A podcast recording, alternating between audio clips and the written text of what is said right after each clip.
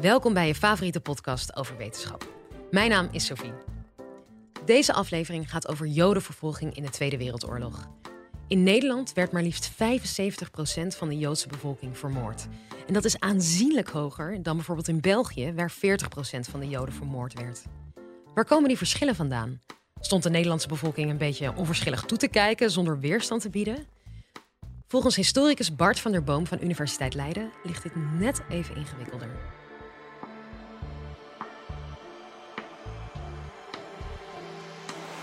Live vanuit Club Air is dit de Universiteit van Nederland. Als wij zouden vragen aan mensen met enige historische belangstelling wat de meest beschamende episode uit de Nederlandse geschiedenis is, dan zijn er allerlei antwoorden denkbaar. Sommige mensen zouden waarschijnlijk Srebrenica noemen, andere mensen zouden de slavernij noemen, andere mensen zouden de politionele acties noemen of ons hele koloniale verleden. Maar ik denk dat vrij veel mensen de deportatie van de Nederlandse Joden zouden noemen omdat algemeen bekend is dat uit Nederland uitzonderlijk veel Joden zijn gedeporteerd. Ongeveer 75 procent. En dat is veel meer dan uit België, waar het ongeveer 40 procent is, of uit Frankrijk, waar het ongeveer 25 procent is. Dat is een zeer bekend feit dat in het maatschappelijk debat ook alsmaar weer opnieuw wordt, uh, wordt uh, genoemd. En waaraan bijna altijd dezelfde, dezelfde conclusie wordt verbonden, namelijk dat als uit Nederland zoveel Joden zijn gedeporteerd, dat wel moet betekenen dat de Nederlandse maatschappij blijkbaar onverschilliger stond tegenover deze medeburgers dan Belgen of Fransen. Dat is wel een begrijpelijke gedachtegang. Tegelijkertijd is het eigenlijk een cirkelredenering. Want wat je eigenlijk zegt is, hoe komt het dat er zoveel Joden uit Nederland zijn gedeporteerd? Dat komt door de onverschilligheid van de omstanders. Hoe weten we dat die omstanders onverschillig zijn? Omdat er zoveel Joden zijn uh, gedeporteerd. Dat is eigenlijk geen sterke redenering. Dat zou alleen maar een goede redenering zijn als er geen andere mogelijke verklaring is voor dat hoge percentage van 75% en de verschillen met België en Frankrijk. En er zijn allerlei andere mogelijke verklaringen daarvoor. Inmiddels weten wij daar vrij veel van. Onder andere door een boek dat een paar jaar geleden is uitgekomen van Pim Griffioen en Ron Seller, Jodenvervolging in Nederland, Frankrijk en België. Een enorme pil, ze zijn er ook op gepromoveerd. Um, dit boek illustreert precies de kloof tussen het maatschappelijk debat en het wetenschappelijk debat. Dit is namelijk een heel belangwekkend boek.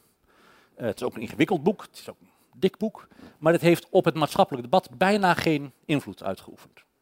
Terwijl het allerlei hele zinnige dingen te melden heeft. Laat ik u daar het een en ander over vertellen. Ten eerste laten Griffioen en Zeller, en wat zij doen in dat boek is systematisch vergelijken alle mogelijke factoren die van invloed zouden kunnen zijn op de deportatie in Nederland, België en Frankrijk. En wat ook nog opgesplitst naar periodes, de verschillende periodes van de deportaties. Zo krijgen ze dus een heleboel variabelen en die proberen ze dus met elkaar te verbinden om daar enige conclusies uit te kunnen trekken. En die conclusies zijn dus heel interessant.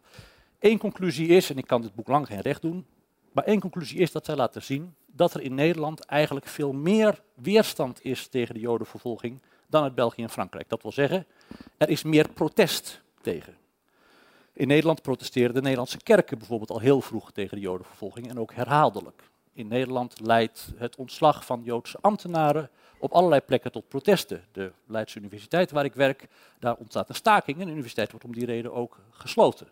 Er zijn allerlei verenigingen in Nederland, vooral studentenverenigingen, die heffen zichzelf op liever dan hun Joodse leden uit te stoten. Um, als er in Amsterdam in februari 41 een razzia op Joden wordt gehouden, is dat aanleiding voor de februari-staking. De februari-staking is een uitzonderlijke gebeurtenis. Het is de enige, de eerste en ook nog altijd de enige staking van niet-Joden in solidariteit met Joden er zijn natuurlijk ook allerlei voorbeelden waar de jodenvervolging geen weerstand opwekt. Er zijn ook allerlei verenigingen die laten hun Joodse leden wel uitstoten. Er zijn instanties die dat accepteren. Een berucht voorbeeld is de Hoge Raad, uh, die haar president moet laten gaan en dat ook doet. Maar vergeleken met België en Frankrijk is er in Nederland eigenlijk veel meer protest dan daar.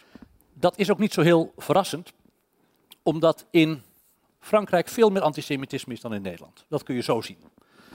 Franse beroeps, beroepsorganisaties van artsen of advocaten pleiten in de jaren 30 in Frankrijk gewoon voor het buitensluiten van Joden, of een quotum voor Joden. En allerlei Fransen kunnen dat heel goed billiken. bezet Frankrijk heeft een inheems bestuur, het Vichy-regime. En dat regime neemt allerlei anti-Joodse maatregelen uit eigen initiatief. Ook in België is de relatie tussen Joden en niet-Joden lang niet zo goed als in Nederland. En dat is ook helemaal niet zo raar, want de Joden in België zijn bijna allemaal buitenlanders. Dat zijn bijna allemaal recente immigranten uit Oost-Europa. Die hebben niet eens de Belgische nationaliteit. Dus die zijn heel ver af van Belgische burgers. Dus het is helemaal niet raar dat er in Nederland veel meer weerstand is tegen de Jodenvervolging dan in België en Frankrijk. Maar het past dus wel heel slecht bij die percentages. Hoe verklaren we dan dat er in België en Frankrijk veel meer Joden zijn ondergedoken dan in Nederland. Want dat is uiteindelijk wel de bottom line. Joden die overleefden, moesten zijn ondergedoken. Dus er zijn in België en Frankrijk veel meer Joden ondergedoken dan in Nederland. Hoe verklaren we dat?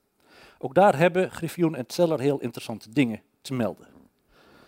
Allereerst is van belang dat de vervolgende instanties, de, de daders, weliswaar allemaal Duitsers zijn, maar wel Duitsers van heel verschillende snit. In Nederland is een burgerlijk bezettingsbestuur. Dat wil zeggen dat hier geen militairen de baas waren, maar Duitse burgers. En dat betekent dat in Nederland de invloed van de SS relatief groot is. En bij die SS zitten de meest gemotiveerde vervolgers van de Joden. Het gevolg daarvan is dat als in Nederland de vervolgers uh, weerstand ontmoeten, zij geneigd zijn om die weerstand rukzichtloos aan de kant te schuiven. En daarmee geven zij de boodschap af er valt met ons over van alles te praten, maar niet over de jodenvervolging. Die gaat koetkekoet door. In België en Frankrijk is dat heel anders. Daar is een militair bezettingsbestuur. En die militairen zijn veel minder ideologisch gemotiveerd. Die zijn allereerst geïnteresseerd in orde en rust. En vooral in Frankrijk kun je zien wat het effect daarvan is. Daar gaat namelijk het inheemse regime, het Vichy-regime, gaat op een gegeven moment dwars liggen. Dat is op zich interessant, want dat Vichy-regime is dus zeer antisemitisch. Die vinden het ook prima als buitenlandse Joden worden gedeporteerd. Maar op het moment dat de Duitsers Franse Joden willen gaan deporteren in maart 1943, zet dat Vichy-regime zijn hakken in het zand. En die zegt dat, dat nemen we niet. En dan is de reactie van het militaire bezettingsbestuur, oké, laat die deportaties maar even zitten. Want we moeten nog veel meer dingen met het regime regelen. Dus die drijven dat niet op de spits. En het resultaat daarvan is dat uit Frankrijk maandenlang de deportaties stil liggen. In precies diezelfde tijd rijden uit Nederland vanuit Westerbork 34 treinen naar, uh, sorry, 19 treinen naar Sobibor met daar in 34.000 Nederlandse Joden, van wie 18 het overleefd hebben.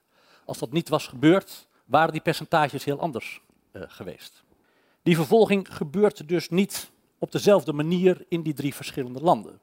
Omdat in Nederland de gemotiveerde Joden vervolgens veel meer invloed hebben, kunnen zij ook dat deportatiesysteem, dat vervolgingssysteem, veel gewiekster inrichten. In Nederland bestaat bijvoorbeeld het systeem van de sperren. Dus Joden kunnen een vrijstelling krijgen, een voorlopige vrijstelling van deportatie, als zij onmisbaar zijn op de een of andere manier. Dat is een heel slimme zet van de Duitsers, want daarmee richten zij de energie van de slachtoffers op het verkrijgen van een legale uitweg, het vinden van een legale uitweg. In België en Frankrijk bestaat die uitweg niet. Dus daar worden de vervolgden voor een veel eenvoudiger keus gezet, namelijk onderduiken of gedeporteerd worden. En ook die slachtoffers reageren daar verschillend op. Dus niet alleen de vervolgers zijn eigenlijk verschillend in die drie landen, de vervolgden zijn ook anders in die drie, in die drie landen. Het duidelijkst zie je dat in België. Zoals ik zei, zijn in België de Joden bijna allemaal buitenlanders. Dat zijn recente immigranten uit Oost-Europa. Die zijn dus gewend aan een wereld die hartstikke antisemitisch is. Die staan heel anders tegenover de overheid dan Nederlandse Joden. Die Belgische Joden, als die een oproep krijgen, denken die al veel eerder, lijkt me geen goed idee.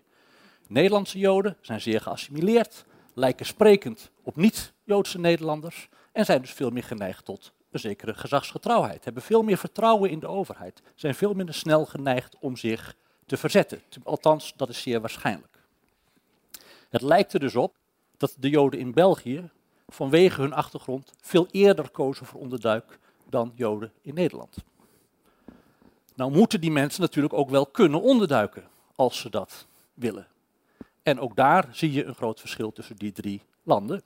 In Nederland is het namelijk veel moeilijker in die vroege periode om onder te duiken dan in België of Frankrijk. In Nederland ontstaat pas een beetje een soepel onderduiksysteem met uh, vervalste bonkaarten en, en vervalste persoonsbewijzen enzovoort in het voorjaar of zelfs de zomer van 1943. De reden daarvoor is dat in die tijd de arbeidsinzet van niet-Joodse Nederlanders escaleert. Dus dan zijn er steeds meer niet-Joodse Nederlandse mannen die willen onderduiken. En als gevolg daarvan gaan, ontstaat er die onderduikindustrie. Dat is dus een beetje een veeg teken. Het is ook al vaak gezegd, en dat is heel terecht, dat dat verzet dus blijkbaar pas echt op gang kwam toen niet-Joodse Nederlanders werden vervolgd. En dat is waar. Het hemd is nader dan de rok. Mensen gaan eerder risico's nemen voor hun oom of hun broer dan voor een vreemdeling. Dat is zo, dat is niet mooi, maar dat is wel zo. Maar dat is waarschijnlijk in België en Frankrijk helemaal niet anders. Het grote verschil met België en Frankrijk is dat daar die arbeidsinzet veel eerder escaleert. Namelijk al in oktober, november 1942. Dus daar ontstaat veel vroeger een onderduikindustrie waar ook Joden van profiteren. De dominante verklaringen zijn dus wat Frankrijk betreft de tegenwerking van het inheemse regime en de acceptatie van die tegenwerking door de, het bezettingsbestuur. En het grote verschil met België is waarschijnlijk vooral de eerdere escalatie van de arbeidsinzet en de reactie van Joden en niet-Joden daarop. Dus het is wel zo dat in België en Frankrijk veel meer Joden zijn ondergedoken dan in Nederland. En dat zegt natuurlijk ook wel iets over die omstanders. Maar dat percentage gedeporteerden kun je dus niet zonder meer verbinden aan een grotere of kleiner medeleven. Sterker nog, het is heel waarschijnlijk dat in Nederland eigenlijk meer medeleven met de Joden bestaat, maar er toch minder verzet tegen de Jodenvervolging is. Maar dat voelt wel aan, is natuurlijk een beetje een ongemakkelijke boodschap. Dat maakt de zaak namelijk veel ingewikkelder. En zeker bij zo'n kwestie, waarbij honderdduizend medeburgers zijn vermoord, wil de maatschappij niet zo'n ingewikkeld antwoord. En dat is denk ik waarom zo'n boek zo weinig invloed heeft. Wij willen een eenvoudig antwoord.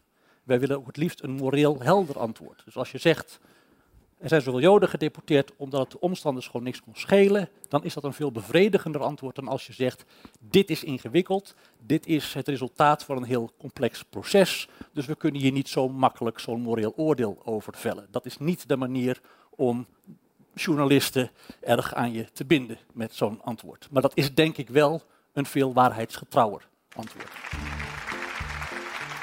Ik hoop dat je het een interessant college vond. En volgende keer gaan we het hebben over iets heel anders, namelijk noodhulp. Mijn naam is Sophie Frankenmolen en graag tot dan.